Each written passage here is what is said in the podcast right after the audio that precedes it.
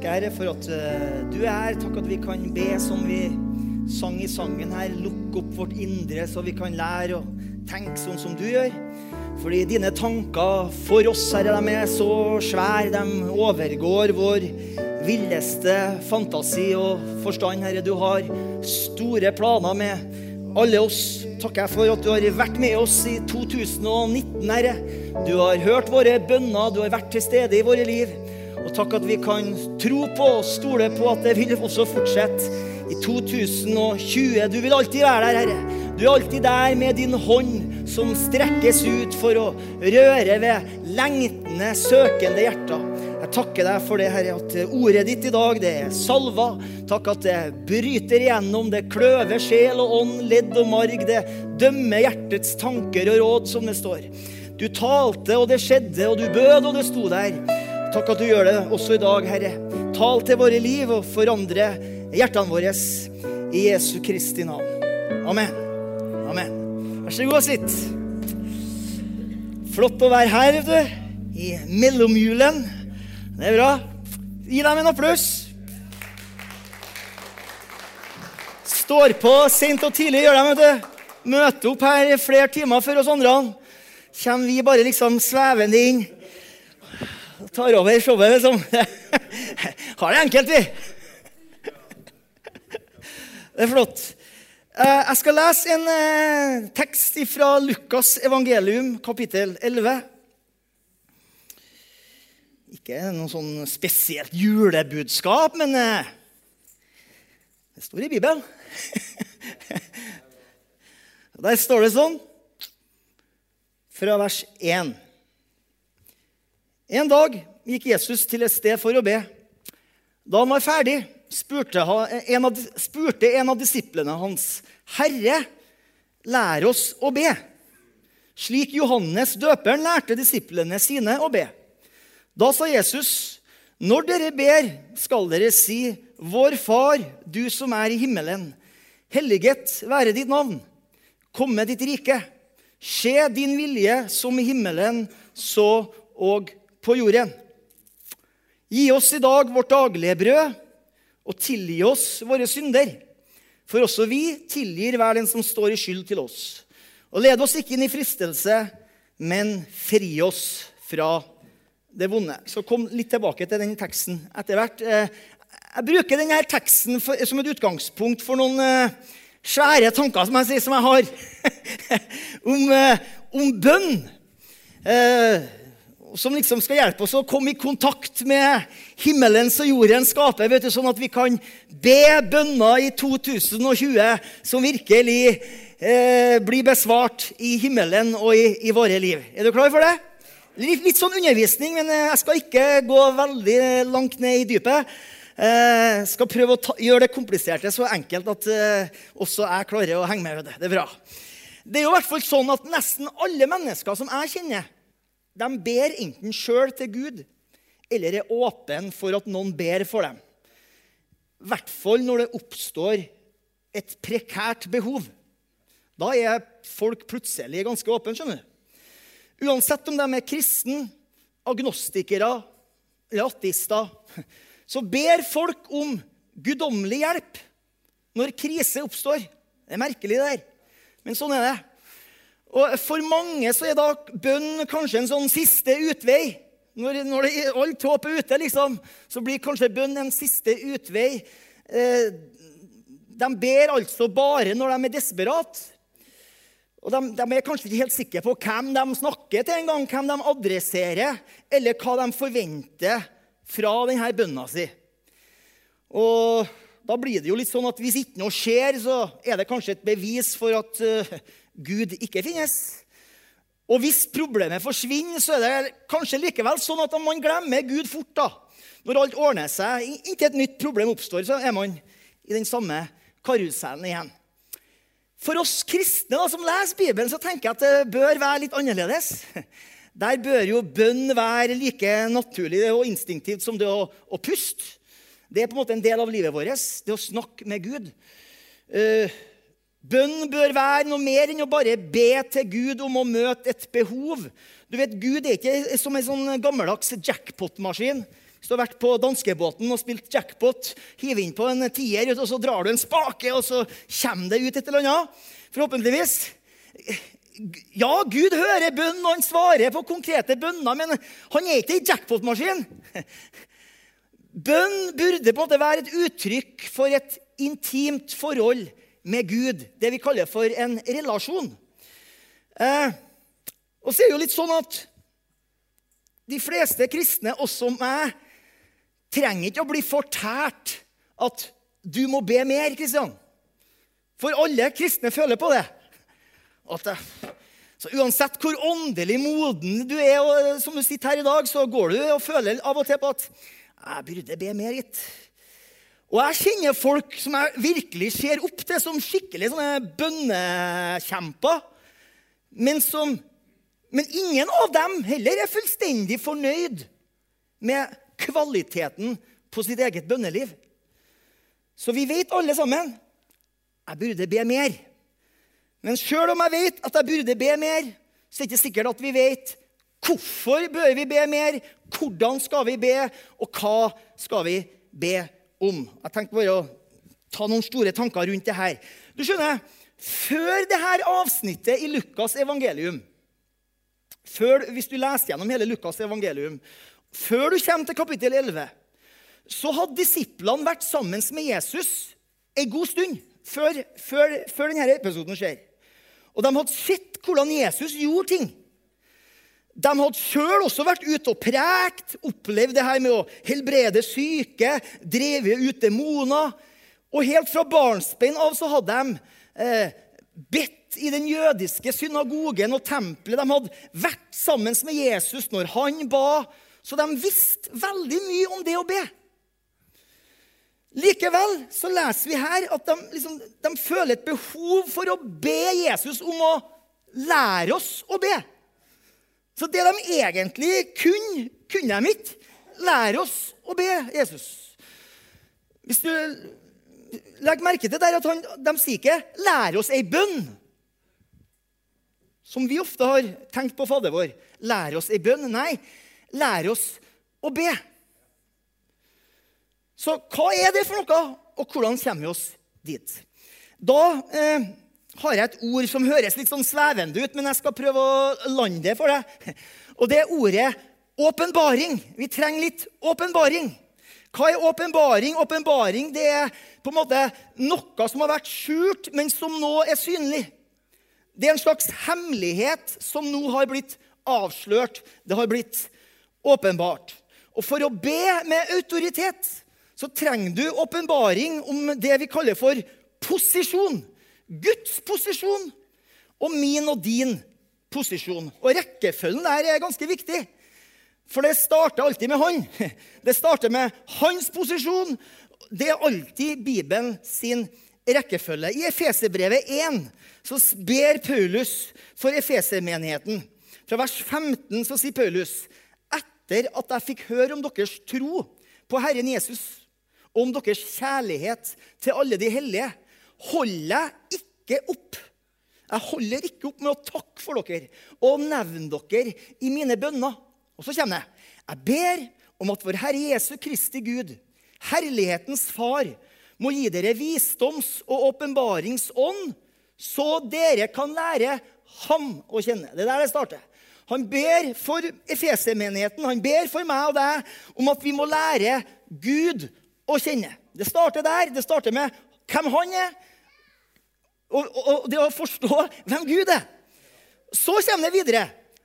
Og at deres forstands øyne blir opplyst, så dere kan forstå hvilket håp dere fikk ved hans kall, hvor rik på herlighet hans arv er blant de hellige. Og så kommer alt det her, det vi vil ha, da. Og hvor overveldende stor hans kraft er for oss som tror, etter virkningen av hans mektige kraft. Det, det liker vi, ikke sant? Den Denne kraften som skal virke i oss. Men det starter med å lære han å kjenne. Sant? Da kommer denne voldsomme kraften etter hvert. Så det er liksom lære han å kjenne. Så kommer denne overveldende kraften for oss som tror, etter virksom, virkningen av hans mektige kraft. Så det starter med å lære Gud å kjenne og se hvor stor han er. For når du ser hvor stor han er, så gjør det noe med deg. skjønner du. Det gjør noe med hvordan du tenker i livets forskjellige faser og utfordringer. Det, det, det gjør noe med hvordan du snakker, med hvordan du lever, og med noe av hvordan du ber. Når du ser hvem Gud er, hvor stor han er, da finner du din plass.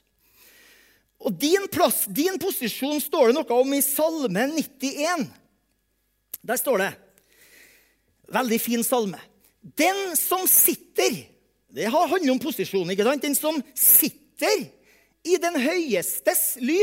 Der har du hans posisjon. Han er den høyeste. Men du skal sitte i den høyestes ly, som bor i den allmektiges skygge. Så her er det en erkjennelse av at han er den høyeste, han er den allmektige. Der sitter du, der kan du bo. Og det er den personen som da kan si det som står i neste setning, min tilflukt og min borg. Min Gud, som jeg setter min lit til. Vi ønsker jo alle å være der. Og vi kan si 'min tilflukt og min borg', 'min Gud, som jeg setter min lit til'. Men da må du leve i erkjennelsen at han er den høyeste, han er den allmektige. Der kan du sitte, der kan du bo. Og det ordet 'bo' det betyr å sitte ned og forbli og bosette seg. Så det første Gud ber oss om å gjøre for å leve under hans beskyttelse, det er å finne en slags hvileposisjon. For når du sitter, da sitter du jo. Da slapper du jo egentlig ganske av. Så hans beskyttelse, hans fred, hans kjærlighet, hans velsignelse er lettest tilgjengelig for meg og deg i en posisjon av hvile, hvor vi sitter i den høyestes ly, hvor vi bor i den allmektiges skygge. Og Bibelen eh, i Nytestamentet snakker jo om det her, at vi sitter med Kristus ved Faderens høyre hånd i himmelen. Hvis du sitter, da betyr det at du ikke står. Du jobber ikke egentlig. Du sitter. For å dra noen linjer fra Gamletestamentet I den gamle pakt så var det sånn at presten han ofra om morgenen klokka ni. Morgenofferet kaltes det. Så måtte han stå helt fram til klokka tre. Det er seks timer, det. For da skulle ettermiddagsofferet ofres.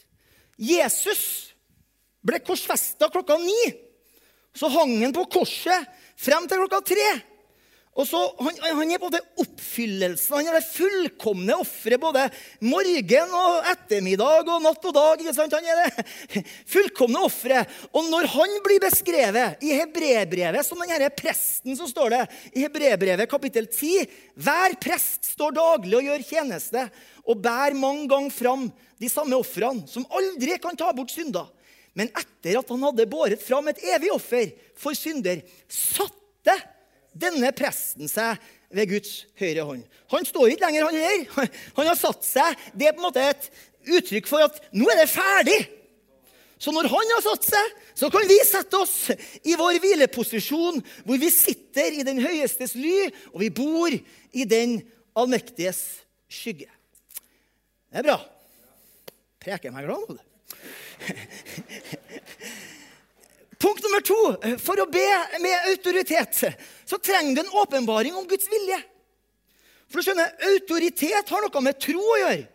Og tro er til stede der Guds vilje er kjent. Og Det ser vi f.eks. i livet til profeten Elias. Jeg har jo en sønn som heter Elias, så da er det litt herlig å preke om han. Profeten Elias. I første kongebok så leser du at han får et ord fra Gud. Og det er sånt, det er et sånt domsord om at det skal ikke falle regn. Klart og tydelig blir det sagt til en. Det skal ikke falle regn. Altså, Guds vilje var kjent. Gud hadde talt. Da skulle man jo tro at siden Gud hadde talt, så kom det til å skje. Uansett.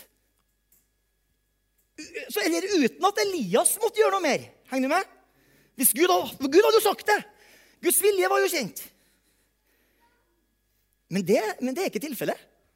For når du leser i Nytestamentet, så blir bildet om akkurat denne episoden litt fyldigere.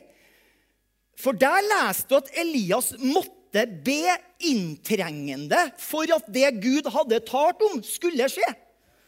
I Jakobs brev, kapittel 5, vers 16, står det Bekjenn overtredelsene for hverandre og be for hverandre, så dere kan bli helbredet. Et rettferdig menneskes bønn virker med stor kraft. Elias var et menneske under samme kår som vi.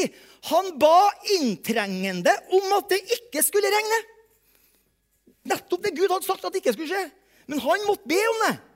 Og det regna ikke på jorda i tre år og seks måneder. Så ba han på nytt, og himmelen ga regn, og jorda ga sin grøde. Så vi ser et sånt samarbeid her. Gud hadde talt. Guds vilje var kjent.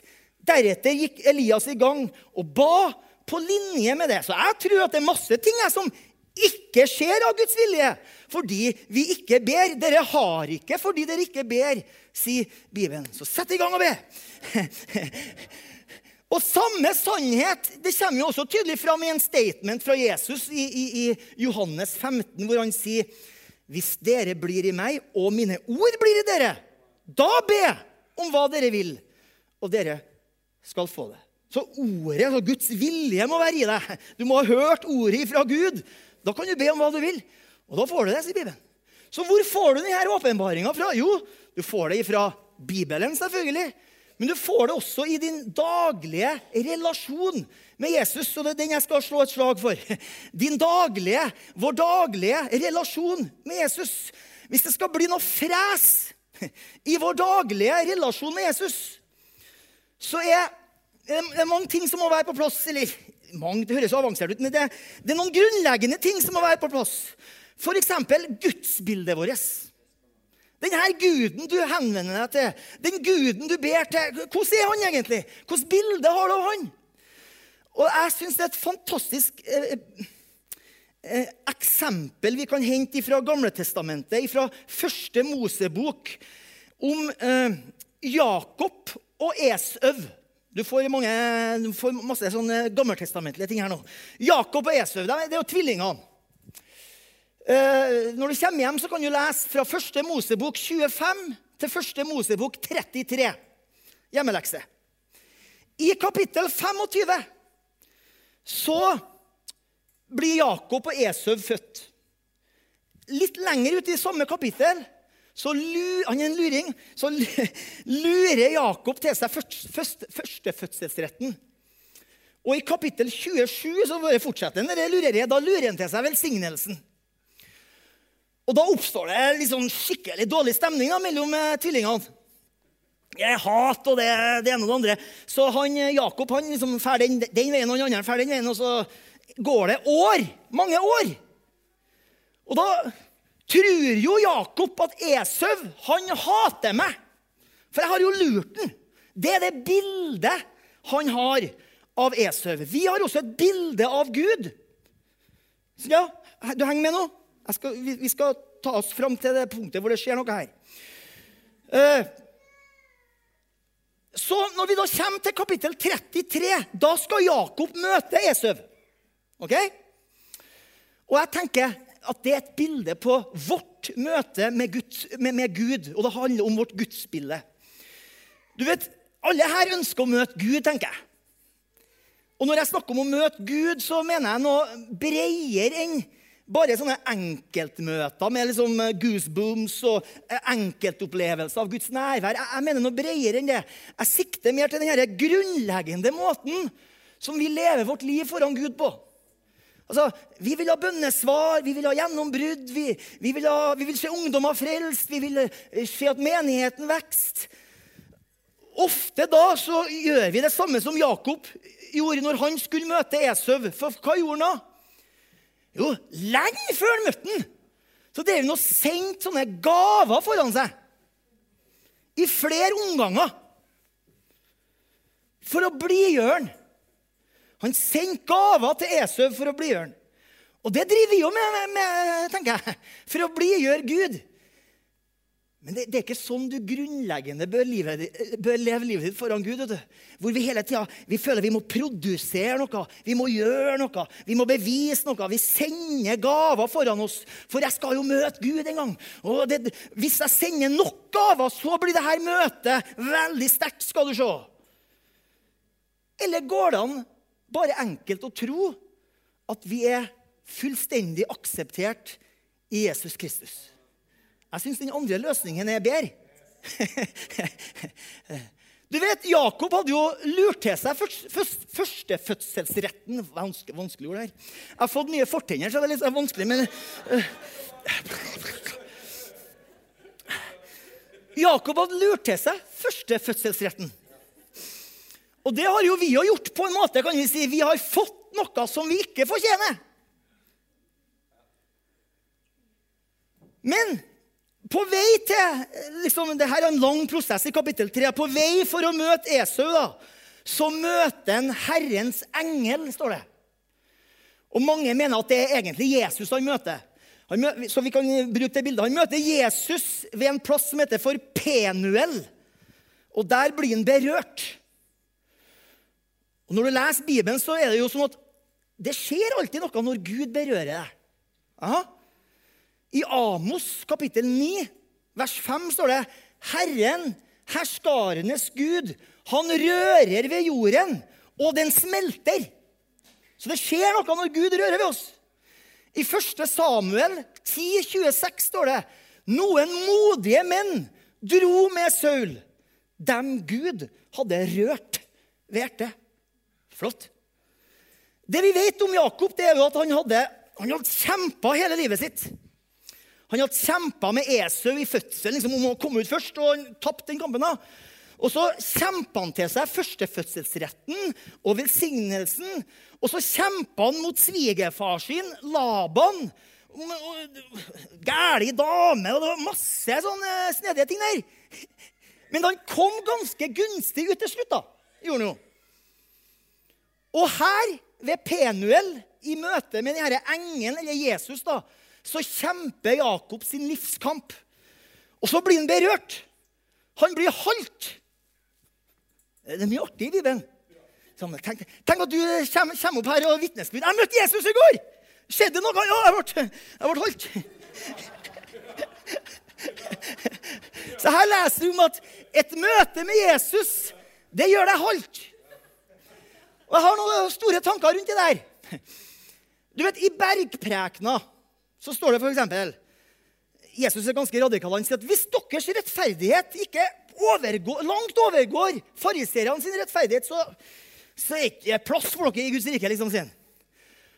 Tenk, Det er ganske radikalt, for fariseerne var jo virkelig de som fiksa det. Som hadde alt på stell. Og så drar Jesus på en måte Guds standard enda høyere. For han sier en annen plass Vær da fullkomne, slik deres himmelske far er fullkommen. Og jeg tenker det er jo umulig. Ja, det er umulig. Derfor så trenger jeg hjelp. Jeg trenger hjelp. Du trenger hjelp. Vi får ikke til sjøl. Og, det her, og det her, denne tanken med at vi må bli holdt, altså vi må bli berørt Vi må bli holdt, hva mener jeg med det? Jeg har noen sånne eh, eksempler i Bibelen på det der. Eh, I Gammeltestamentet står det om ei enke som eh, fikk beskjed av en profet. Samle sammen tomme kar. Husker dere den historien? Var det mel eller var det olje? Det var en av greiene for. Ja. Samle sammen tomme kar. Og så sier han bare ikke for få. Det er flott sagt. Altså, dess større tomhet hun kunne presentere fram for profeten, dess mer olje eller mel kunne fylles da på. ikke sant? Dess mer tomhet, dess mer fylde. Du, du vet, Det er bare tomhet som kan fylles. Bonden han må tømme låven for såkorn for at den kan fylles opp med ei større avling.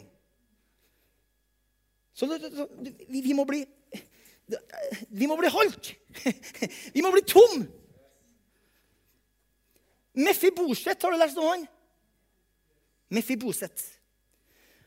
Han, eh, han, han, hadde jo levd ute i Lodebar, i ødemarken. Og så fikk han komme tilbake til kong Saul.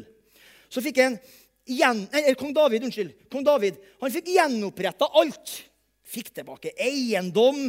Og det står ramsa opp at man hadde en 20-30 tjenere som drev og serviserte den hele dagen. Han fikk eh, spise ved eh, kongens bord hver eneste dag. Men én ting forble som det alltid hadde vært. Han var lam i begge beina. Som han hadde blitt når han var fire-fem år gammel, står det. Så han, det, ble, det forble sånn. Og denne haltheten til Jakob, denne tomheten til enka og denne, denne lamme fotene til Mefiboset taler til meg om ærlighet, erkjennelse, vår menneskelighet og det at vi trenger hjelp. Det å leve med Gud, det å tjene Gud, er for meg en slags forunderlig kombinasjon mellom Guds storhet og suverenitet og min menneskelighet. Du vet, Om oss mennesker så står det i Bibelen vi er bare kjød. står det. Og i den konteksten hvor det står, så betyr ikke kjød noe syndig. Men det er en beskrivelse av oss som mennesker i kontrast til en stor, hellig, suveren Gud. Sammenligna med Han så er vi bare kjød. Vi er mennesker. Vi er gjennomsiktige, vi er sårbare, vi er ja, begrensa. Og den erkjennelsen er viktig. Denne erkjennelsen av at vi er halvt, vi er lam i begge beina. Vi er tom på noen områder. Vi trenger hjelp. Jeg tror at den holdningen vil føre til større raushet og fleksibilitet i et fellesskap. Fordi vi er alle halvt. Og Bibelen sier at når du er svak, ja, da, det er da du er sterk. Eh, for å unngå liksom, at det der bare skal bli et slagord og det er kult å si at vi er holdt'. Amen. Vi er holdt. Det må være noe mer enn et slagord. Så bør, vi bør stille oss spørsmålet hvordan kan det her se ut i mitt liv? Så det ikke bare blir et slagord. Det spørsmålet har jeg stilt meg noen gang.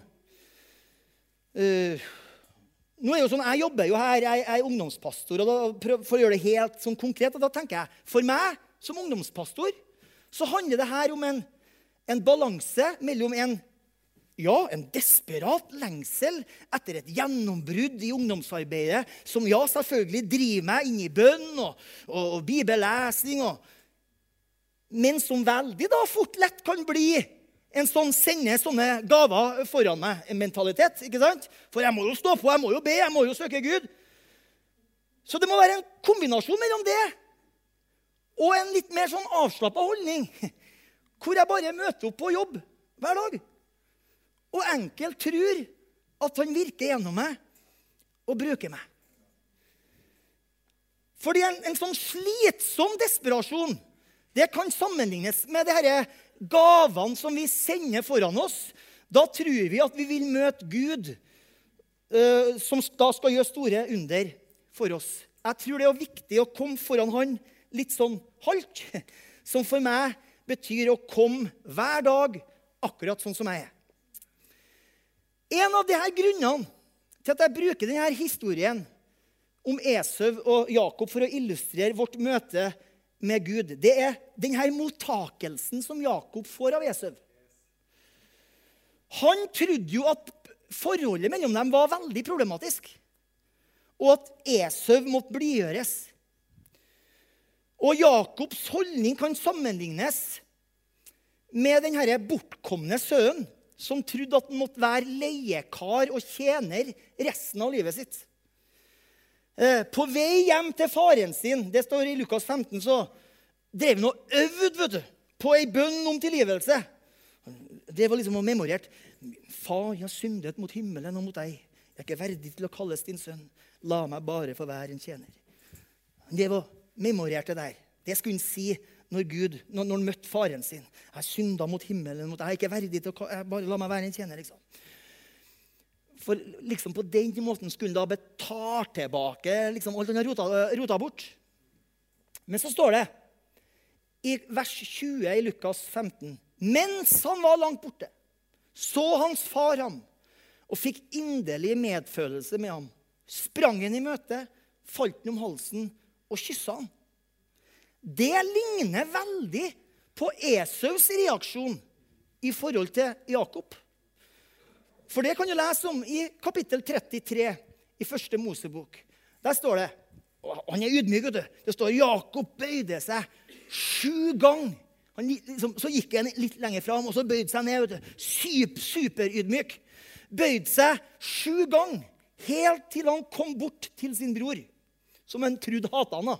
Så står det Men Esau sprang ham i møte, omfavnet ham, falt ham om halsen, kysset ham, og de gråt. Vi ønsker å møte Gud. Hvilket gudsbilde har du? Du bør ha det gudsbildet her. Han trodde at Esau hata han og var ute etter han. Men han sprang ham i møte, falt ham om halsen, kyssa han. Når det er sagt, så støtter ikke jeg sløve holdninger og dårlig arbeidsmoral. ikke sant? Det er ikke det vi snakker om. At nei, vi trenger ikke vi bare, bare hvile liksom, i, i, i ly av den allmektige. ok, nok om gudsbildet. Eh, jeg brukte også uttrykket litt tidligere om, om fres i din daglige relasjon med Jesus. Det tror jeg det her skal jeg avslutte med, det tror jeg er kobla til det som jeg kaller for vårt aller høyeste kall, som du kan lese om i Matteus 10. I Matteus 10. Vi skal avslutte her. Der står det Matteus 10, vers 1. Etter at han hadde kalt de tolv disiplene sine til seg, ga han dem makt over urene ånder til å drive dem ut, til å helbrede alle slags sykdommer og alle slags skrøpeligheter. Og så står det i, i vers eh, 2 der, det er der han kaller dem apostler. da. Men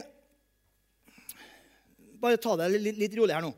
Uh, I vers 1 her de, de, de, den siste setningen her, det med å drive ut demoner og sykdommer og skrøpeligheter og Det ønsker vi jo. ikke sant? Vi ønsker å komme dit. Jeg, ønsker i hvert fall det. Uh, men teksten sier etter å ha kalt de tolv disiplene sine til seg. Til seg selv, står det i en annen oversettelse. Det kan, ja, det kan selvfølgelig tolkes som at han bare sier Når det står at han kaller disiplene til seg liksom 'Kom hit'. Men jeg, jeg, jeg leser, leser, inn litt mer at han kaller dem til seg selv. Henger du med? Da Altså, der, i den posisjonen, i den stillingen, når du har gitt respons på det kallet til ham selv. På den plassen mottok disiplene makt over urene ånder til å drive dem ut, til å helbrede all slags sykdommer, all slags skrøpeligheter blant folket. Det var ikke hvor som helst de fikk det.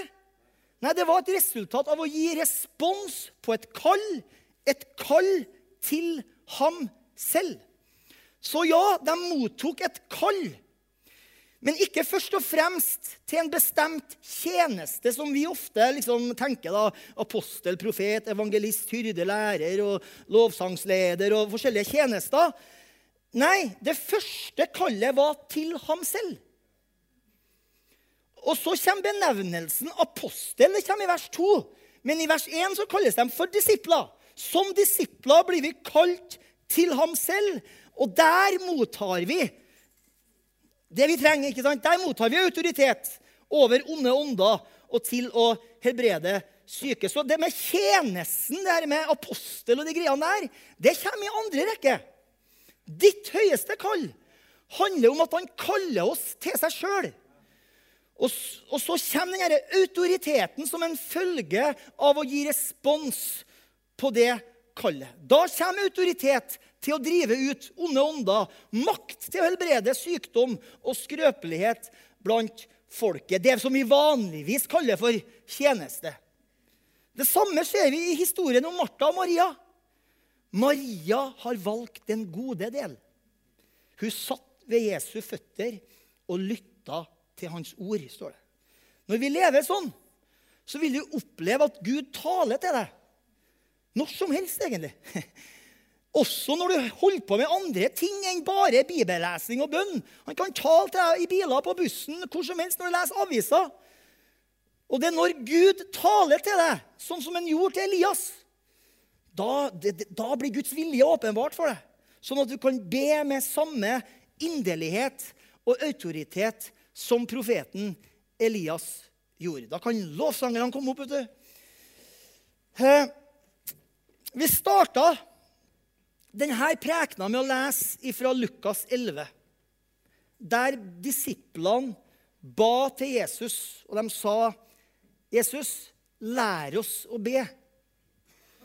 Og Jeg håper at du har grepet noe i denne enkle undervisninga om at bønn det handler ikke om en teknikk med flotte og riktige formuleringer. Der er jeg dårlig sjøl. Jeg gruer meg, gruer meg hver gang jeg skal be høyt i mikrofonen. Jeg står foran her og pugger hva jeg skal be, liksom. Det hadde du ikke trodd. Du trodde det bare kom ut av meg. Du. Nei, nei, nei, jeg pugga alt jeg skal si.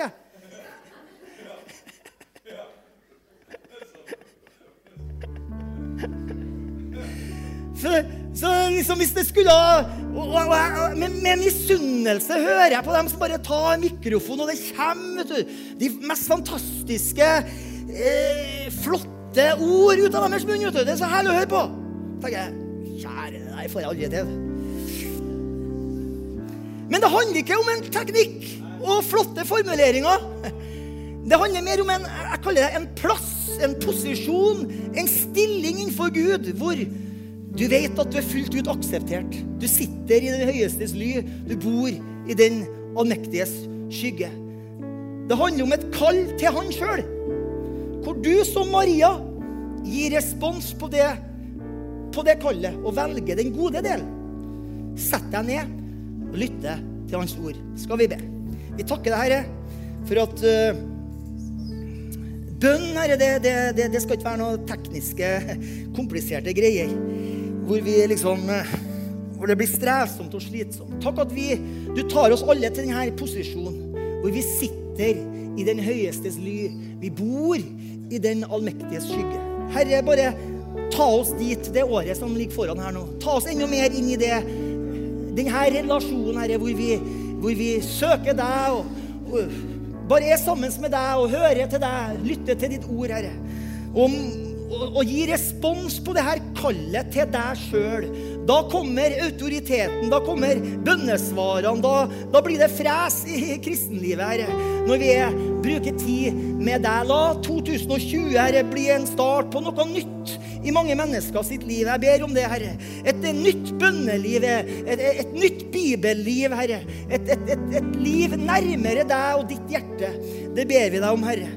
Løft hele denne menigheten opp, Herre, på et høyere nivå, hvor vi bare elsker deg, Jesus, og opplever din herlighet og ditt nærvær. Jeg ber om det, Far, i Jesu Kristi navn. Amen.